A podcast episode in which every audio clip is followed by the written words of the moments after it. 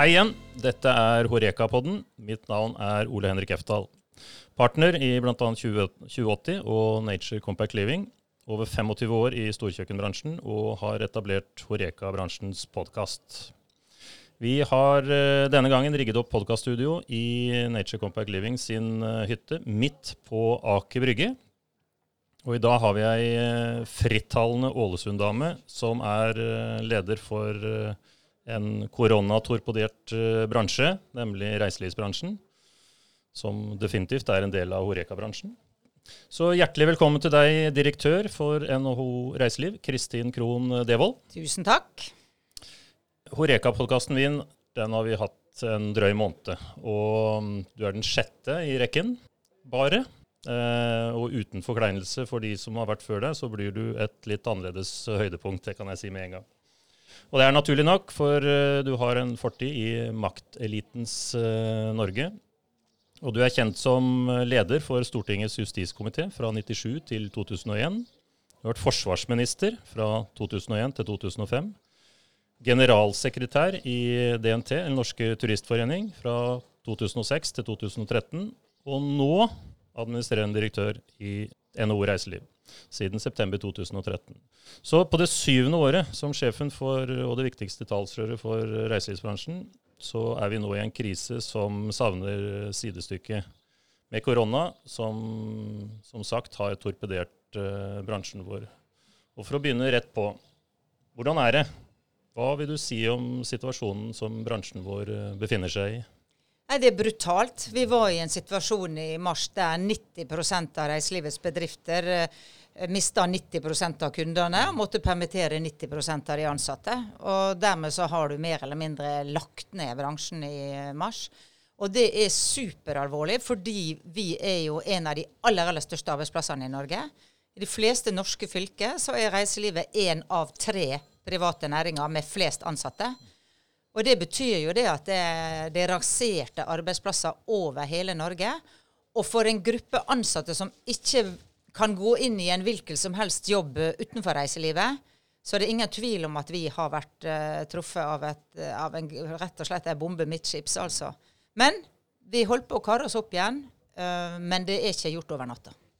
Nei, det er det ikke. Og det er jo som du sier, det er helt tragisk. Fordi det er fra full blomst til uh, å slokke helt ned. Hva er uh, det viktigste budskapet til myndighetene akkurat nå for å komme raskest mulig på beina igjen? Vær like flinke å åpne opp som de var å stenge ned. Ja, de stengte sagt. ned raskt. De åpna ikke opp igjen raskt nok. Danmark har allerede tillatt 500 mennesker på konferanse. Mm. I Norge nøler man og snakker om å åpne opp igjen 1.9. Det betyr at vi kan miste et halvt år med arbeidsplasser fordi at kundene ikke allerede nå føler seg trygge på at de kan booke i mm. september. Så det viser seg at over hele Europa så har land vært flinkere å stenge ned enn å åpne opp. Og det dreper arbeidsplasser unødig, for vi har veldig god smittekontroll nå, og vi har også veldig gode rutiner blant bedriftene våre. Ja, og det å være så Litt farlig å si sendrektig, men uh, det er sånn som vi òg tenker. I, og vi treffer jo alle, vi òg, i Horeka-bransjen. Og jo for hver dag som går, jo, jo, verre blir det over det lengre. For vi må i gang igjen. Det ja, vi må i gang igjen. Og det norske reiselivet består jo av 40% bedriftskunder, 30 mm. utenlandskunder og 30 eh, norske feriegjester. Og det er ikke tvil om at når staten har stengt ute alle de utenlandske kundene, og da i realiteten stengt hele konferansemarkedet, så er 70% av kundene borte. Det er ikke en eneste norsk bedrift som klarer å leve med å miste 70% av kundene. Og da må staten gjøre alt de kan for at de kundene kommer tilbake så fort det er ansvarlig. Og nå er det ansvarlig å åpne opp. Men uh, jeg er veldig bekymra for uh, tempoet i gjenåpninga, og at det er for mange ulike helseinstitusjoner og ulike byråkratiske avdelinger som snakker for dårlig sammen og for lite effektivt sammen.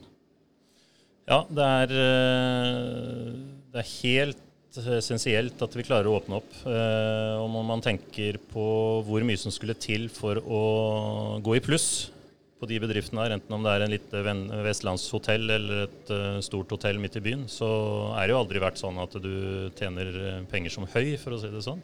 Nei. Det er ikke mye du skal ned før det svetter. Nei, det er helt riktig. fordi at hele reiselivet er jo en veldig, veldig arbeidsintensiv bransje. Dvs. Si vi har veldig mange ansatte. Det er ansatte som er den høyeste kostnadskomponenten. Uh, og er du veldig arbeidsintensiv, så kan du aldri uh, effektivisere det til å ha skyhøye marginer. Det går ikke an. Men samtidig er vår bransje viktigere enn mange av høymarginbransjene. Og det er fordi at vi ansetter utrolig mange forskjellige mennesker. Vi ansetter masse folk uten master. Vi ansetter faktisk en god del folk som har kommet mer eller mindre fra ungdomsskolen og gymnas. Vi ansetter mange folk med utenlandsk bakgrunn, men som skal være og bo og jobbe i Norge resten av sitt liv. Og Hvis ikke disse får jobb, så vil vi få en sosial situasjon i Norge som vi aldri har sett før. Og det er ingen andre bransjer som kan erstatte reiselivsarbeidsplassene. Nei, for der er det over på det. Det er ikke noen andre bransjer som kan ta tak i de igjen, for å si det sånn. Og det er, jeg nevnte tidligere også, det, den bransjen vår det blir litt navet i samfunnet. Fordi vi får veldig mange eh, til å passe inn i bransjen vår. Ja, det er helt riktig. Vi er på en måte menneskebransjen og klarer å skape stolthet mm. av å gjøre en god jobb, av å behandle kundene godt. Og vi har et fantastisk produkt å selge. Selv Oslo er jo en, eh, en, en skjønn naturperle i, i, sett med europeiske øyne. Det, det, er i hvert fall ikke en storby som vi tror vi er. uh, og det betyr at det, vi, vi, vi, kan identifisere oss med det vi selger, og vi kan være glad i det vi selger. Og Derfor så er det også lett å få mye entusiasme fra de ansatte. Selv om vi da ansetter som du sier, mennesker som ikke nødvendigvis har den høyeste utdanninga, men som gjør en minst like viktig samfunnsoppgave. I høyeste grad. Du, eh, Hva er det viktigste budskapet ditt til eh, hoteller og restauranter og mm, alle de andre reiselivsbedriftene du er eh, i kontakt med? Altså, Det er jo å forsøke å se litt lys i tunnelen. For hvis du ser på produktet vårt, så er ikke jeg tvil om at det norske produktet er unikt og har stor eh, konkurranseevne i forhold til veldig, veldig mange andre land. Er det én ting jeg tror folk kommer til å være på jakt etter etter korona, så er det steder uten unødig trengsel, der det er rent, der det er lav smitterisiko, der det er alminnelig sunnhet i samfunnet. Og der tror jeg Norge ligger på topp omtrent i verden. Det er jeg helt sikker på. Ja, og Det betyr at både internasjonale konferansekunder og internasjonale feriekunder vil ha et ønske om å komme tilbake til Norge. Derfor er vi nødt til å holde ut. Ja. Og jeg er helt sikker på at de kommer tilbake. Jeg tror Norge er det landet som eh, Vi snakket så vidt på telefonen i går, og jeg gjorde meg noen tanker etter det også. Men Norge, når det åpner opp igjen, er nok litt tynt uh, for sommeren, for å si det sånn. Men at Norge er landet å komme til før mange andre land, som selvfølgelig har vært inne i krisa, det, det, er jeg relativt sikker på. For vi oppleves som fredelige, og det er lite sykdom. og en fantastisk natur. Ja, og, og, selv Oslo. Nå sitter vi her og ser nydelig utover mm, ja. Aker Brygge og Oslofjorden. Og, altså, hvor andre storbyer kan du gå og svømme etter frokost 200 meter fra hotellet ditt? Eller om vinteren så kan du ta en, en T-bane, og så er du midt oppi en alpinløype. Ja. Eller du kan gå på langrennsstadion. Samtidig så kan du gå på opera og teater om kvelden. Det er et helt unikt produkt. Og sånn er nesten alle de norske perlene. At vi har eh, sesongopplevelser i verdensklasse. Så jeg er ikke redd for det langsiktige kundegrunnlaget vårt. Nei, Men vi må overleve, ja, og myndighetene må. må hjelpe oss, slik at ikke levedyktige bedrifter går under helt unødvendig. Ja, for det er det som går til å skje hvis ikke vi klarer å få fart på svinghjulet igjen. Ja, og vi er jo 175 000 ansatte i reiselivsnæringa rundt omkring i Norge. Uh, og dette er mennesker som er utrolig viktige i lokalmiljøet sitt. Det er nesten ikke en kommune av de 400 kommunene vi har i Norge som ikke har reiseliv. Nei. Og det betyr at de holder barn i barnehagen, barn i skolen. De, del, de, de, sørger for at du kan ha et sted å møtes når du har konfirmasjon og mhm. bryllup. De, de er det sosiale limet i enhver kommune. Så det vil også få veldig store distriktskonsekvenser om vi knekker reiselivet i en del av Kommune-Norge i denne krisa. Jeg holdt på å si det allerede, men det er viktig at noen politikere hører på denne podkasten her eh, etter hvert. Du, Det har vært en del snakk om eh, krisepakker som uh, slår litt sånn uforholdsmessig dårlig ut i forhold til sesongsvingninger og prosjektomsetning og, og sjablong, sjablongutregningsmetoder og sånn vært veldig negativt for mange, eller for noen. Eh, hva har du av henvendelser eh, på dette og andre spørsmål. Eh, dere får jo rett inn på eteren, går jeg Ja. ut ifra fra alle Klart der ute. Det er ikke en dag at vi ikke har eh, telefonhenvendelser, Messenger, mail, eh, alle de kanalene som fins. Eh, om hvordan sesongpakken slår akkurat deres bedrift, eller hvordan kontantpakken slår eh, deres bedrift. Og, og vi forsøker å ta til oss alle innspillene, og derfor så sitter vi jo også nesten daglig og forhandler med myndighetene, med Ja. ulike statsråder og ulike embetsverk, for å få disse pakkene så gode som mulig. Men det var også veldig viktig å få raskt pakken ut. Det var det. Ja, det for vi det. så at en del land som var tidlig ute med å beslutte pakker, ikke klarte å ha IT-systemer som gjorde at pengene kom bedriften i hende.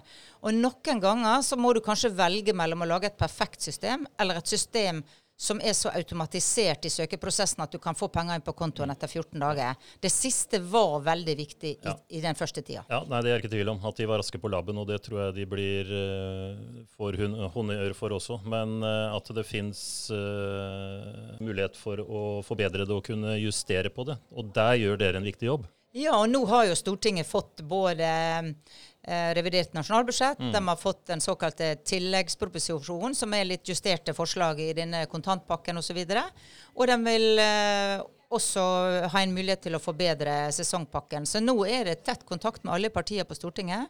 Men Stortinget går fra hverandre 19.6. Ja. Og innstillinga skal være klar 12.6. Så tida fra i dag og frem til 12.6, den er uhyre viktig. For så blir det en stillhet en periode Ja, det med Stortinget stengt. Så nå går det et tog, og derfor er det også veldig travle dager for oss. Ja, det er det jeg skulle si. Du må være på jobb nå, Kristin. Ja da, vi er på jobb, alle mann. Og vi, og vi tar alle de telefonene vi kan, og ikke minst så går vi i, i Stortinget. Og, og jeg må si at det, det at jeg har tolv år på Stortinget som representant, og fem og et halvt år som rådgiver, jeg har vært nesten 20 år på Stortinget, det gjør at jeg har et, faktisk et sånt livsvarig adgangskort.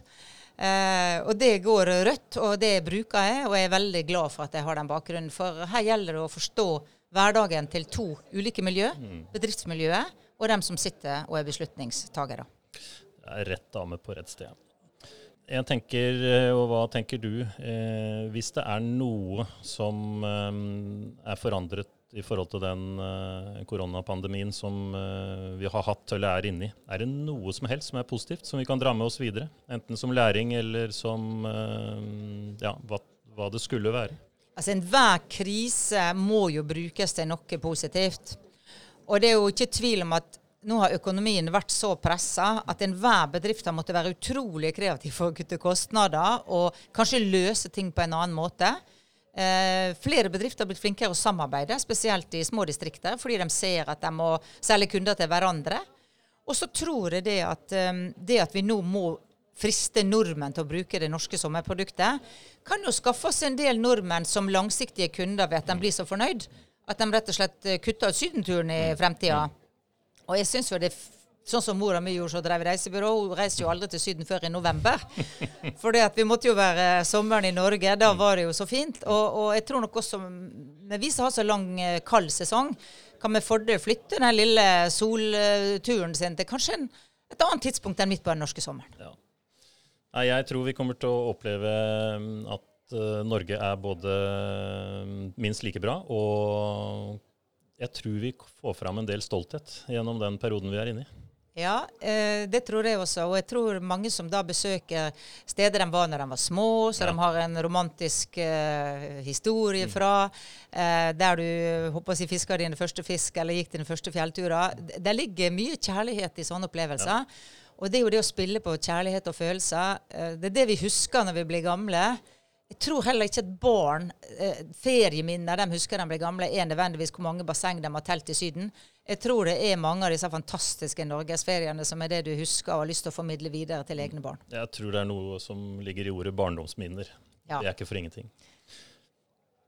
Du, litt, uh, litt over til annet tema. Uh, og jeg må si jeg liker den, uh, det å drive podkast. Det er noe nytt for meg også. Men foruten at jeg har tatt en posisjon i bransjen vår og, og syns det er litt moro. Men det å måtte lese seg opp på gjestene Det er en jobb, men det er rett og slett superinteressant. og en, da må en ta seg tid til det, på en måte. Og det har jeg selvfølgelig gjort med deg. Og mm, der var det selvfølgelig masse, for eh, det skjønner vi etter denne introduksjonen, at eh, du har en eh, fartstid som er litt annerledes enn de fleste andre. For deg som har vært framme i skoa i all sin tid, så er det ganske kult. Og du kom med noen saftige og ganske frittalende utsagn også, som minner om solid selvtillit og ikke minst standpunkt. Nå sitter vi i tjukkeste Oslo. Vi sitter på Aker Brygge. Og for å sette standarden for neste fase på denne podkasten, så vil jeg sitere deg på et uh, eller sitat som du har blitt sitert på, som sier at Kristin skriver at hun liker direkte tale, og misliker omveier og feighet. Hun mener, er, hun mener at dette er en sunnmørsgreie. La det være kort og kontant. Ja. Bomullsprat, derimot, det er en Oslo-greie. Der budskapet blir pakka inn, og at det nesten forsvinner, forklarer sunnmøringen lattermildt. Og jeg ser at du holdt på å ta ordet allerede. Ja, det, altså det var sånn jeg opplevde det når jeg begynte på Handelshøyskolen, begynte å studere og møtte folk og ungdommer fra hele landet. Så syns jeg faktisk det var en forskjell på måten man snakka. Og kan godt hende det har med røtter og tradisjoner å gjøre at når du liksom står ute i en fiskebåt og det blåser hardt og det er mye dårlig vær, så må du rope høyt og kort. Uh, mens du i mer sånne akademiske kretser i storbyen uh, uh, legger vekt på eleganse og um, bruker en del fremmedord osv. Og, og, og jeg syns det er slitsomt. Mm. Jeg syns det er slitsomt hvis jeg snakker med folk og ikke forstår hva de mener. hva de egentlig, egentlig. mener. Mm. Ja. Og, og, derfor så liker jeg best å være sammen med folk som snakker like direkte som meg sjøl. Og i reiselivet er det veldig enkelt, for der er det folk fra hele landet. Mm. Uh, og det er en sosial og utadvendt bransje som egentlig har mye av den direkte talen. Mm. Har egentlig ikke tida til å drive med sånne lange forhandlinger Nei. på jobb. Det har jeg nevnt i en eh, podkast før. At vi er, den bransjen vi er i, er veldig sosial. Mm. Det er veldig mye snakkesalige mennesker og, og mennesker som er glad i mennesker. Ikke minst det siste. Mm. Altså, vi liker andre mennesker. Vi liker å være sammen med mennesker. Mm. Og det handler mye om tillit. Mm. Vi ser på hverandre. Vi ser at vi liker den andre personen. Fordi vi også uh, forstår hva den andre personen sier og gjør, og føles trygg. Og, og, Derfor så tror jeg at det er helt umulig å være i en menneskebransje uten å ha uh, evne til litt direkte tale, en fleip, en latter, uh, og ikke pakke inn ting så mye. Da har jeg faktisk skjønt noe som jeg har lurt på lenge. For du har rett i det du sier.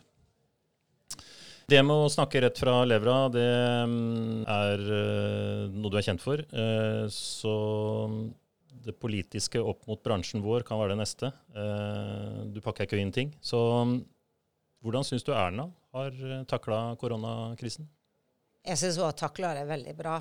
Um, altså Erna er bunnsolid som person. Uh, og det ser du jo på også. Og så er hun veldig kunnskapsrik. Jeg har jo stått i regjering sammen med Erna. Og Erna har jo selv sagt også at hun, hun har hatt litt dysleksi. Og det folk med dysleksi ofte gjør, er at de blir utrolig flinke å, å huske ting. Og fra regjeringsbordet når jeg satt sammen med Erna, og hun var kommunalminister, og hun var faktisk både kommunal- og innvandringsminister den gangen, så hadde hun veldig mange vanskelige saker, men hun glemte aldri et tall. Og det at hun hadde vært eh, også finanspolitisk talsmann for Høyre, vært skattepolitisk talsmann for Høyre, gjorde at hun også kunne delta enten det var finansdebatter eller andre ting. Så hun er breddekompetent, og det kommer med i en eh, krisesituasjon.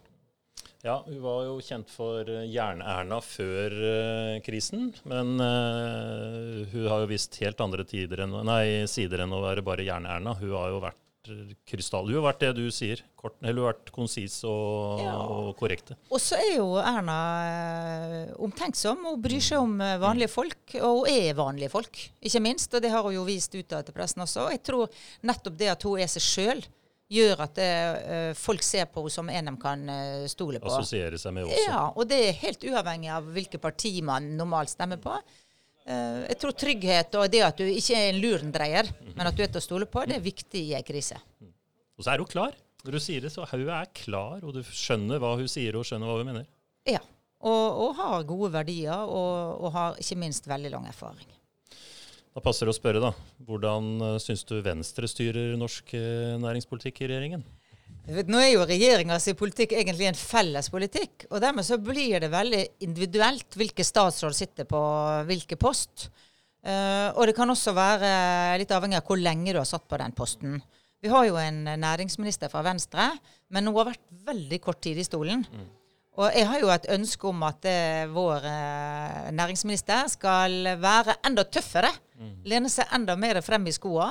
Og kanskje si til helsemyndighetene at eh, nå er det viktigere å redde arbeidsplasser enn å holde ting stengt for sikkerhets skyld. Mm. Der ønsker jeg at den eh, nye ministeren vår eh, blir tryggere på rollen og eh, litt tøffere til å slå i bordet overfor litt unødvendige restriksjoner. Ja, For det trenger vi. Fordi vi eller vi må ha det. fordi ja. ellers så trumfer eh, det er fælt å si det sykdomsbildet, eller det mulige sykdomsbildet, det sykdomsbildet som vi har i næringa rundt i Norge. Eller i, i hele nærings... Ja. ja, og nå er det rett og slett Det som er viktig fremover, det er at vi fortsetter å holde litt avstand, vaske hender, ha gode rutiner på bedriftene, og at når noen blir syk, at vi kan uh, drive med smittekontroll og ja. testing. Og nå har vi fått denne testkapasiteten opp. og når folk sitter med faste seatings på restauranter, så klarer du å spore dem som satt ja. i nærheten. Og, og, Det betyr at da er det ikke grunnlag lenger for å ha rigide grenser verken for konferanseantall eller for uh, hvor mange som kan sitte på et møte på et hotell. Det, vi, vi, må rett og slett uh, løse opp. Og kundene syns det er rart at de kan gå i en vanlig dagligvarebutikk og plukke tomater, plukke avokado, ta på alt mulig rart. Bare de vasker hendene når de går inn og ut. Ja. Mens på et hotell så er all bufféservering forbudt. Det er rart for folk. Dette må kunne gå an å håndtere på samme måte med, med god hygiene. Så, så, her trenger vi litt mer sånn eh, en tøff næringsminister som nå eh, krummer ryggen for å redde arbeidsplasser. Kristin, hva er det du er bekymra for når du tenker på de unge i bransjen vår, som uh, går nok en litt sånn usikker uh, tid i møte? Jeg er veldig bekymra for de unge, fordi det er jo dem som ryker ut først når det blir oppsigelser. Og når det tar så lang tid å få vår bransje opp igjen, så betyr det at det, du har ikke lov å permittere dem så lenge som du trenger. Og jeg tror at det at reiselivet har vært der og fått så mange unge i arbeid, så mange folk med utenlandsk bakgrunn i arbeid, det har gjort at vi har ikke de samme sosiale problemene som vi har i USA. Og når jeg ser på USA og hvordan det går når du har en stor, stor gruppe, undergruppe, uten fast arbeid, uten fast inntekt, og den sosiale uroen det fører med seg, så må jeg bare si at reiselivet har en helt enormt viktig jobb i nettopp å holde folk som, eh, som eh, i gang med arbeidsliv og, og kunne forsørge seg sjøl. Og den faren tror jeg ikke myndighetene har lagt tilstrekkelig vekt på.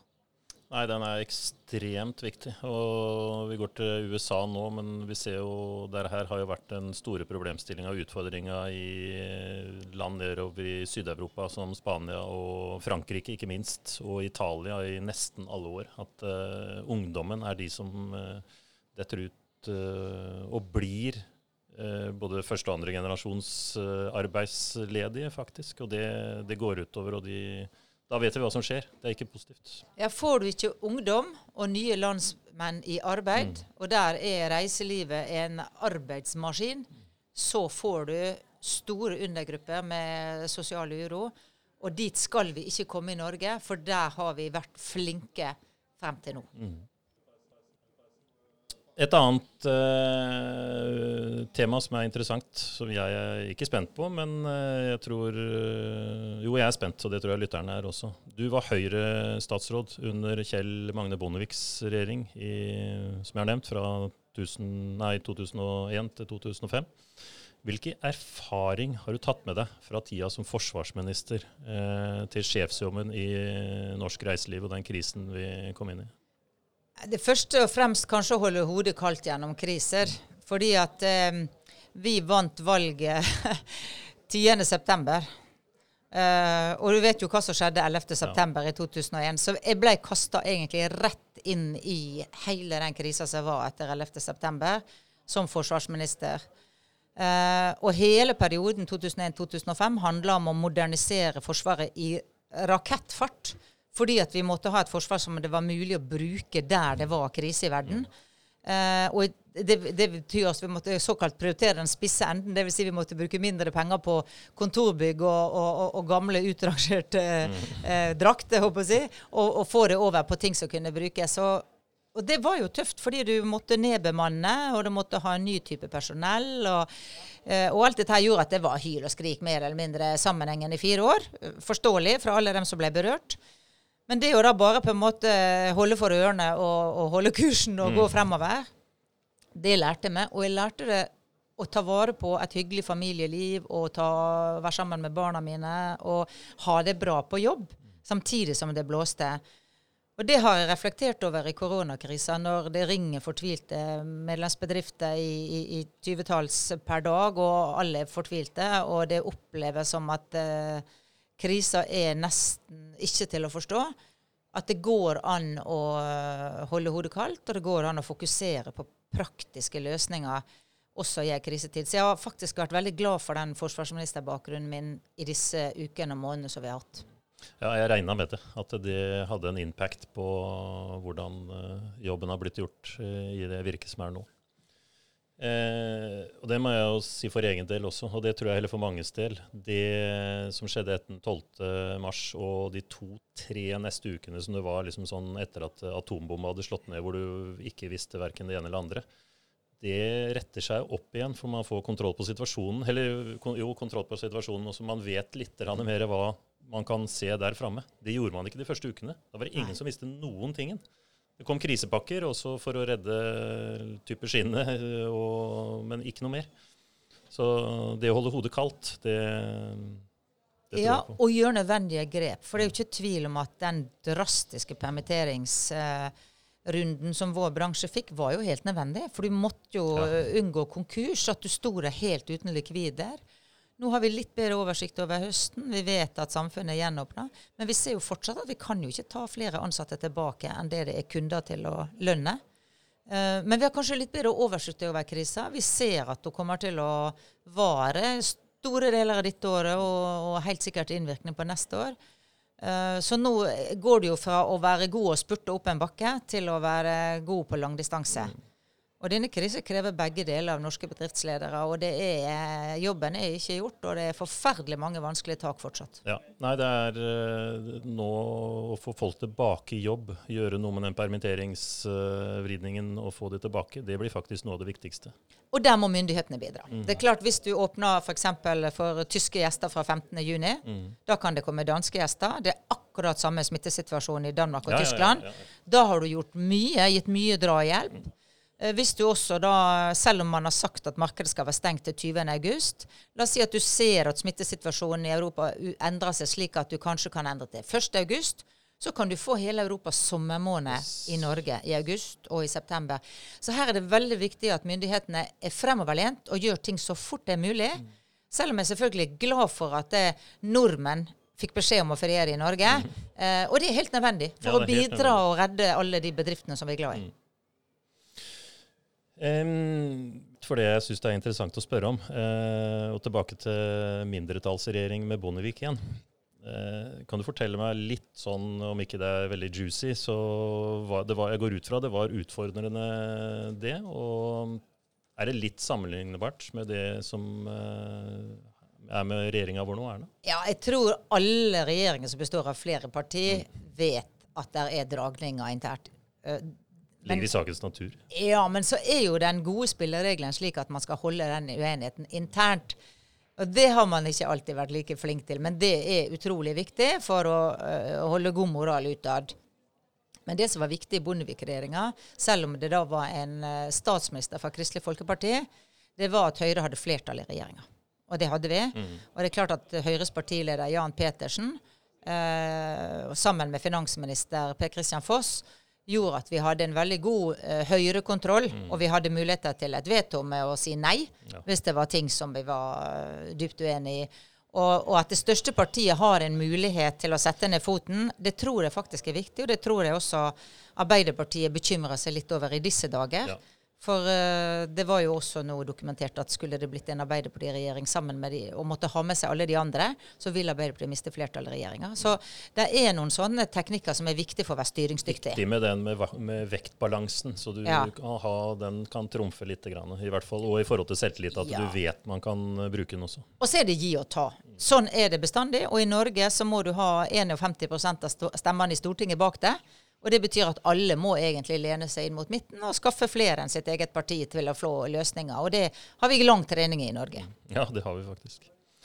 Du, En podkast er jo som det vi holder på med nå. En samtale, en dialog. eh, Dagsaktuelt, men eh, gjerne litt om eh, ett og alt også. Litt sånn på det private delen. Litt sånn quick facts. Født i Ålesund, det har vi hørt. Eller det hører vi. Du holder fint på dialekten. Eh, 1961 er året. Datter av reisebyråleder, har du faktisk eh, fortalt alle. Kristin H. Krohn. Og skipsmegler Edvard Devold.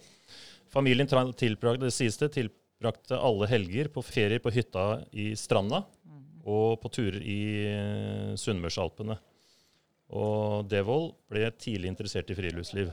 Det er et sitat som uh, du har fått inn med morsmelka. Eh, både det med forhandlingsevner, tenker jeg, i forhold til skipsforhandleren, og ikke minst natur og reiseliv. Fortell litt om oppveksten som det eh, refereres til. Jo, jeg hadde jo eh, Begge besteforeldrene mine hadde, var jo private næringsdrivende. Morfar var Han drev konfeksjonsfabrikk og herreekvipering, bl.a., som det het den gangen. Flere butikker. Eh, mens eh, min, eh, min farfar han hadde eh, skipsmeglerfirma som min far overtok. Og det betyr at min oppvekst så jobba jeg sommerjobb, enten på kaia med å støffe konteinere. Så dette her er konteineren vi sitter i nå. Den er veldig, har et veldig kjent eh, mål. Eh, og det å kjøre gaffeltrøkk og telle klippfiskkasse og bunter, det var jeg ganske god på. Jeg jobba sammen med tallymenn, så det er ikke så mange som har gjort. Og så var jeg selvfølgelig også sommervikar for mora mi på reisebyrået. Og det å få inn med morsmerka dette med hvordan en som driver privat eh, næringsvirksomhet, tenker, Eh, og hva man er avhengig av, å snu på krona og få kunder og dette det, det er jeg oppvokst med. Så jeg forstår hvordan bedriftene tenker, og jeg kjenner meg igjen i veldig mange av de bedriftene som er medlemmer hos oss. Og det er jeg glad for å ha som, eh, som bakgrunn i den jobben jeg har i dag. Det er gull verdt, Kristin, at du har den uh, erfaringa. For ålesundere er jo kjent for å være forretningsfolk. Eh, det å komme fra en eh, type gründerfamilie og, og vite hva som skjer, det, er, eh, det, det tror jeg velger å tro at du har hatt mye nytte av. Ja, og så er det litt rart dette med ålesundere. For at, eh, jeg, jeg var så overraska når jeg kom til Oslo, og, og det ordet kremmer ble brukt negativt. ikke sant? Mens vi har jo kalt rådhuset vårt for Kremmergården. Ja, ja. For vi syns jo det er kjempepositivt. Det er veldig sånn rar valør på det ordet. Og jeg, det å være glad i å handel og glad i å tjene penger, det er vi på Sunnmøre, og det er vi stolt av. Ja, det skal det sannelig min hatt være, ellers så drar ikke fremover. Du, hvor eh, går ferien din eh, i år som det Eller hvis ikke det hadde vært koronatid, for å spørre om det først. Men eh, nå er det jo koronarestriksjoner, så Jeg har alltid mesteparten av ferien i Norge, men jeg har et lite sånn fluktsted. Jeg, har bitte lite eh, leilighet, faktisk et borettslag i Frankrike, mm. helt på vestkysten. Et sånt sted uten mennesker, Oi. eh, vest for Bordeaux. Eh, så jeg pleier alltid å ha et lite opphold der nede med mobiltelefonen avslått. For jeg må jo innrømme at når jeg er i Norge, så er du, Kimer det litt. Så kimer det litt. Men uh, det blir jo ikke i år, og så da blir det hele ferien i Norge. Og da er det å dra med bil, med både telt og sovepose og hengekøye i bilen, og så kombinere litt hytte, litt spontanovernattinger et fint sted, og litt deilige, flotte norske hotell. eh, og unne seg litt. Og jeg har eh, prøvd å ringe på Vestland Ja. og bestille, og opplevde at de to første hotellene jeg ringte, det var fullt. Det var riktignok små distriktshotell, men, men det var jo uansett eh, Første gang jeg ble glad for å få høre at jeg ikke fikk rom på et hotell. Ja, Det var det jeg skulle skyte inn. at eh, Vi får håpe, vi får håpe det ikke er rom ledig når du ringer og skal, så du blir i hengekøya di. Ja. For det er viktig at det blir fullt eh, på norske hoteller i år. Så mm, det gleder oss. og Vi snakket litt om det i går, nemlig. At, eh, det, at, det, er, at det virker til å være mye av det. Ja, og aktiviteter. For vi må også leie sykler og leie kajakker og spise ute. Og hvis vi vil at dette norske produktet skal være her, at disse bedriftene på de stedene vi er glad i skal finnes, så må vi bruke dem i år. Mm. Og det er autentisk norske Det er eh, tradisjoner og eh, historie Ja. i alt sammen. Så er det noen som klager på de norske prisene, men jeg har i grunnen aldri helt skjønt det. For uansett hvilken by i Europa du skal overnatte på, London, Amsterdam, you name it, stort sett så er de andre landene dyrere enn oss. Men vi er liksom ikke vant til å skulle betale for å bo i Norge. Nei. Vi er bare vant til å betale når vi er i utlandet. Men her må vi tenke litt annerledes. Og veldig mange av oss har ikke råd til å ha hver natt på hotell, men da er kombinasjonen med litt campinghytte og sånn, og egen hytte, er veldig fin. Jeg tror det er året hvor, det, hvor akkurat den kombinasjonen kommer til å eksplodere. Det har tatt helt av i forhold til turisme. Eh, noe helt annet nå. Eh, litt lang innledning. Men eh, jeg har en, sånn, en merittliste, jeg også. Og i tillegg til 2080 og utstyr til eh, Horeka-bransjen og det hytteprosjektet vår, eh, vårt nå, så har jeg vært med å utvikle og levere konteinerbaserte løsninger for fredsbevarende styrker rundt omkring i verden, bl.a. Afghanistan. Og som forsvarsminister fra 01 til 05 så går jeg ut fra du var i Afghanistan, i Mes antageligvis, i Mazar el-Sharif. Kamp Nidaros, som det heter. Ja, jeg var i alle plassene vi hadde folk ja. i Afghanistan. Så jeg har vært der i hvert fall tre ganger. Mm. Og både i Bagram og Kandahar og Mazar el-Sharif og Kabul og Meymane mm. og oppe i Bishkek. Der var jo riktignok nabolandet, men der hadde vi jo flybase i starten. Ja, Uh, så jeg har bodd både i container og i telt, og ikke minst så har jeg bodd i containerlandsbyene i Kosovo, mm. Som du vel også hadde levert Der til. leverte vi alt. Så, så, det å være effektiv og forflytte styrkene, det var jo kanskje det som var en av hovedoppgavene mine. Altså Alt vi hadde måtte være såkalt deployerbart. Og da hjelper, hjelper ikke det med faste lagerbygninger plassert et eller annet sted i Trøndelag. Du må ha ting som kan flyttes. Og, og containere var viktig der det var en infrastruktur som gjorde at du kunne få containeren på plass. Men når du var skikkelig ute i bushen, så måtte du ha store telt. Yes. Og begge deler ble Norge helt ekspert på, og, øh, og, og, var helt sånn fantastisk. Du kunne jo både få ha aircondition og lufting og alt mulig både i telt og container. Så, så der har Norge lagt langt fremme. Ja. Og det var, eh, det var, det jeg syntes var litt morsomt å prate om, at du har faktisk vært og testa det. for å si det sånn. Vi sitter i en container nå, selv om det her har blitt en helt annet konsept enn uh, det som brukes i, i, fredsbevarende styrker. Og det er jo delvis Vi er jo ute i krig på en måte når vi gjør en fredsbevarende uh, operasjon. Ja, og jeg tror faktisk at det er mye mer felles med tradisjonene i det norske forsvaret og det som er norske friluftslivstradisjoner, enn det vi ofte er klar over. Uh, si Man bor i telt begge steder. Man klarer seg sjøl. Man må orientere seg og overleve ute i naturen. Og veldig mye av det som er rasjonelt uh, for styrkene våre, er også rasjonelt når du er på, på, tur. på tur. Og jeg syns jo det er morsomt at det er flere hotell- og overnattingssteder nå har rom som ligner på containere, ja, men med glass rundt istedenfor mm. For tette vegger. Mm. Uh, og det er mange rasjonelle grunner til det. Så det, det at teknologiverdien er overførbar fra det militære til det sivile samfunnet og motsatt, sånn har det jo alltid vært. Mm. Uh, og i Norge så er det nok tettere forbindelse mellom de to sektorene enn det mange er klar over. Ja, Nei, vet du hva, Det er morsomt at du sier det. det er noen som har dratt verden jeg bare kom på det nå, uh, mest videre, er romfart og forsvar. Ja. Det er det som har, som har utvikla som vi tar på det sivile. Ja, tilbake. og kunnskapen om naturen. altså mm. Veldig mange av medlemsbedriftene hos meg er folk med f.eks. spesialstyrkebakgrunn. Mm. Fordi de elsker å være utendørs, ja. og de lager da fantastiske opplevelsesprodukter som er knytta til det å være utendørs, og, og, kundene og gjestene kan føle seg trygge, enten det er i snørasfarlig områder eller eh, på, på sykkelopplevelser. Og, og, og, igjen viser at det, er du glad i noe, og har du kompetanse, så er det overførbart også til andre sektorer. Det er nesten merkelig du sier det. For Hans Christian Wilson, med gründeren av Høyt og lavt, som vi gjør Lågen-prosjektet med nå, han er jo fra spesialstyrken og med klatrepark og Neida. annerledes uh, natur, naturturist Naturturisme. Ja, jeg ønsker alle folk som har en bakgrunn i Forsvaret som vil over i det sivile, velkommen som veldig gode bedriftsledere ja, i reiselivet. Ja. Mm. Men eh, hva tenker du om eh, Det er vel for så vidt litt det vi representerer også, men leverandørindustrien eh, i Norge. Vi utvikler produkter og konsepter som kan tas over hele verden. Og vi sier det litt sånn internt, eller har gjort det bestandig. Hvis det fungerer i Norge, så fungerer det uansett hvem andre steder i verden. For det er kvalitet. Og det vi holder på med nå, er jo også nordisk design, og det blir verdsatt. Hva tenker du om, eller Hvem tanker og meninger har du om uh, vi bør eksportere annet enn bare olje og laks? Ja, I tillegg til vår gudsgave, som er natur, og selvfølgelig.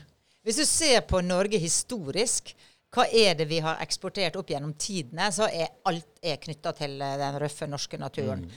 Alt fra den gangen vi var en stor seilskutenasjon fordi vi var utrolig dyktige sjømenn, til at vi alltid har vært en stor fiskerinasjon fordi vi har vært veldig dyktige fiskere på værharde områder. Eh, det vi har solgt av reiselivsprodukter, har vært på veldig værharde steder. Så nesten alt vi har drevet med i dette landet, har vi hatt kompetanse på fordi vi har mye hav eller mye vill natur. Og det har gjort at vi måtte være gode på teknologi. Eh, alt fra propellteknologi ja, i shipping til alle disse verftene vi har oppover uh, Sunnmørskysten, eller uh, de flotte tilvirkningsbedriftene for, for, fisk, enten det er klippfisk eller ferskfisk uh, rundt omkring på alle nes. Um, så det med oljen, det er nytt. Den kom på 80-tallet. Ja. Og det kommer ikke til å vare evig. Så vi må tilbake til de uh, naturlige egenskapene vi har. Og fordi vi har vært flinke å fiske og flinke å seile og flinke til sjøs og, og, alt dette her, så har vi også hatt unikt utstyr for disse bransjene. Og det er jo ikke tvil om at mye av det båtutstyret du har i Kongsberg, og kommunikasjonsutstyr og sånn, handler om at vi er et komplisert land eh, å komme seg rundt i og kommunisere i. Og Derfor har vi klart å skape store, unike norske eksportbedrifter. Mm. Og det må vi gjøre mer av fremover. Ja.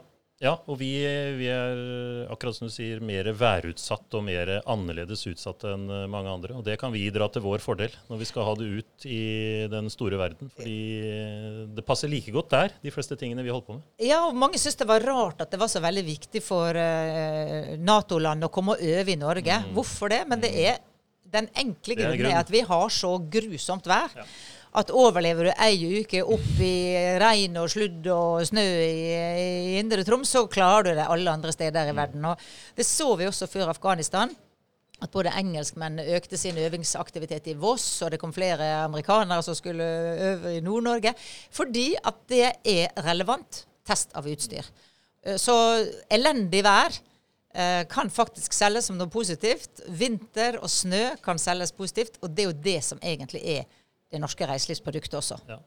Og Vi sikter jo veldig inn på, og det, det gjør Norge jo langt på vei, eller veldig mange i, når det er uh, turisme i Norge. Men aktivitetsturisme og opplevelsesturisme, det er noe vi kan favne om. Vi har et prosjekt nå som, er, uh, som vi holder på med, uh, oppe på Vestkapp. Hvor det blåser storm, nei, orkan 100, eller med gjennomsnittlig 100 dager i året. Og der skal det settes ut på Vestkapp, for der er det værturister som skal, ha, som skal få lov til å ha en eller to netter hvor de nesten føler at de blir blåst av, blåst av marka. Ja, jeg husker jeg var med på en eh, fellestur eh, med internasjonale gjester da jeg var i Turistforeninga. Og vi gikk gjennom Skarvheimen mellom Hemsedal og Finse i et forferdelig vær. Vi gikk 10. juli, og det snødde. Og jeg syntes dette var litt flaut, så jeg sa det til hun israelske som jeg gikk ved siden av, at jeg beklager, altså, men det pleier vanligvis ikke snø i juli. Og så sa hun dette. Ja, men Kristin, mm. det er jo dette som er fantastisk. Jeg bor i en ørken. 52 uker i året. Jeg ser bare ørken. Mm. For meg å komme til Norge og oppleve snø i juli, det er jo høydepunktet på sommerferien min. Mm. Og Det er jo derfor vi må slutte å tenke på eh, Norge som dårlig vær og sånn. Vi må heller tenke Folk flest har for mye sol, de har for mye tørke, de har for mye trengsel, mm. og vi har alt det de lengter etter. Ja, ja, ja. Og det, jo, vi hadde, det var, hadde ikke noe med det her men eh, det var en hytte nede på Vegårsei nede i eh, Agder fylke. Og de leide ut en koie langt, langt inn i skauen. Og der fikk de besøk fra om det var Saudi-Arabia eller om det var UAE eller hva det var for noe, som hadde bare bestilt på Airbnb.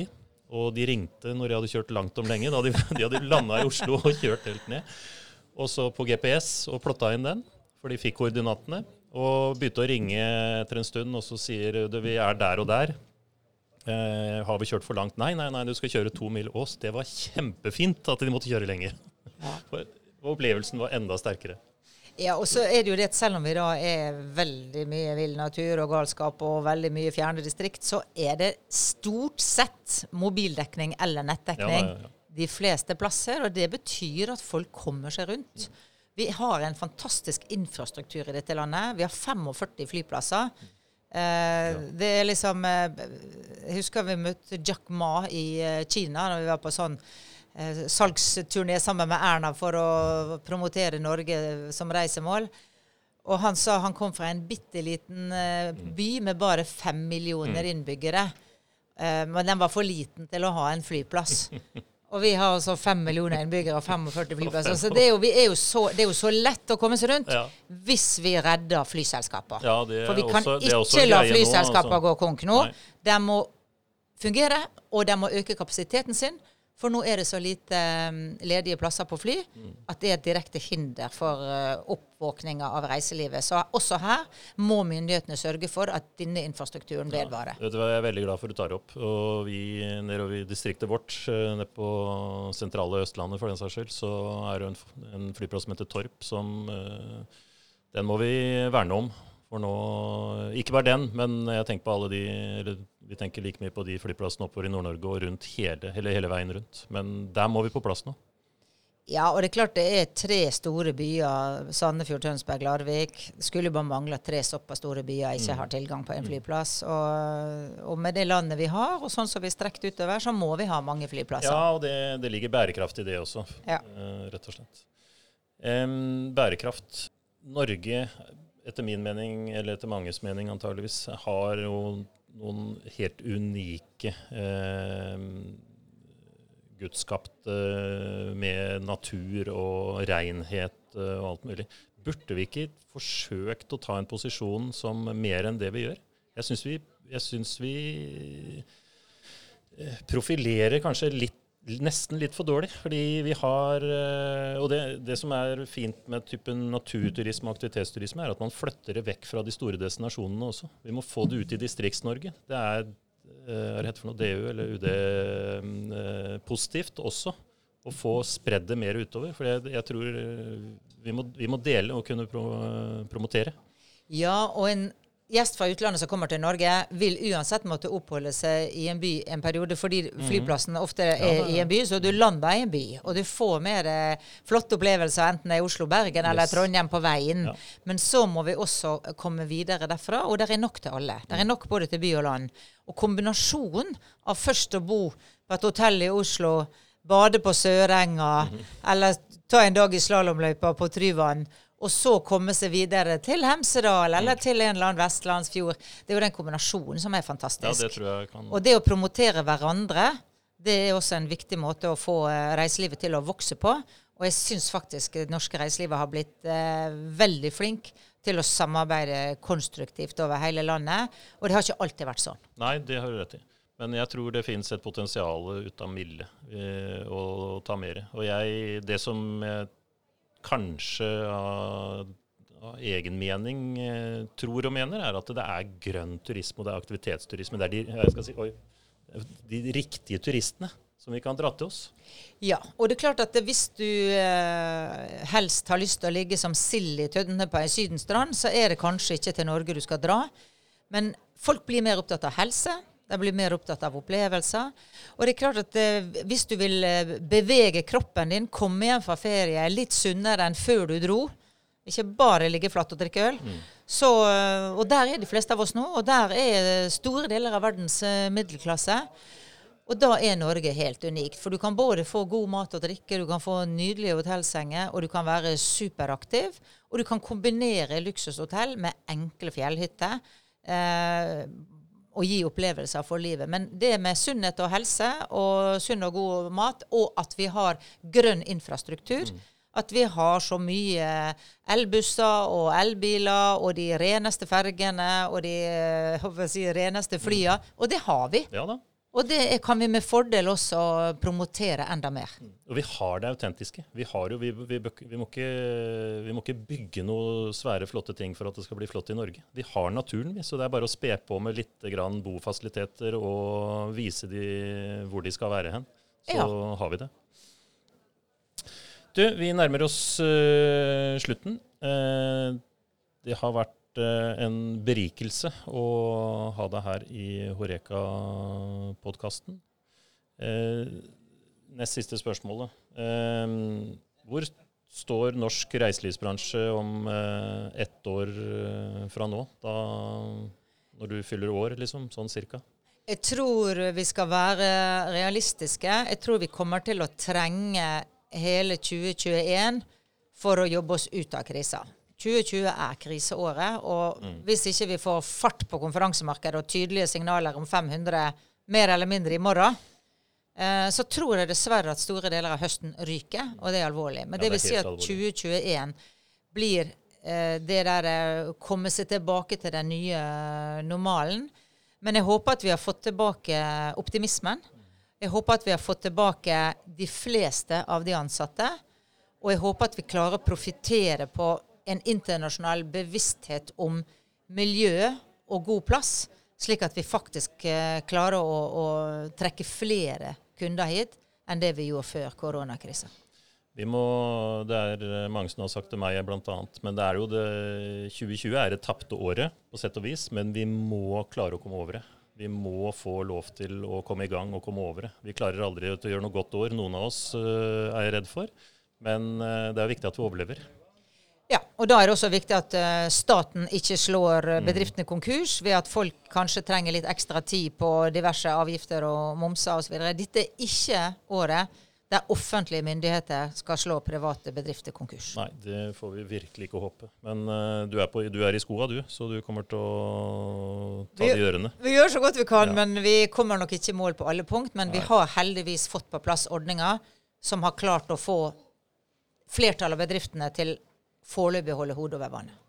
Ja, det er bra. Du gjør en god jobb. Um, helt på tampen, er det noen du ville utfordret til å sitte i stolen din nå, som kunne komme eller passe i forhold til å være med på en Horeka-podkast? Enten det er fra Horeka, eller om det er reiseliv, eller om det er Erna Solberg Nei, jeg skal ikke Du, det er jo en som eh, er en veldig interessant person, og det er jo helseministeren vår. mm, Ja. Fordi at han har jo gått Hotellhøgskolen. Han har jo hotell- og reiselivsfaglig bakgrunn. Han er en veldig ålreit fyr. Og han er faktisk den som må stramme inn litt på helsetroppene sine og på helsebyråkratiet ved også å ta en større rolle i um, oppåpninga. Selvfølgelig med smittevern i bunn, men han er en eh, bra fyr og vil vært en artig mann å ha hatt i stolen her. Skal jeg ringe høy, eller skal du? Ja, nei, det, vi, det kan vi sikkert kan vi snakke om. eh, snakke om. Ja, det er bra. Da, det tar vi etterpå.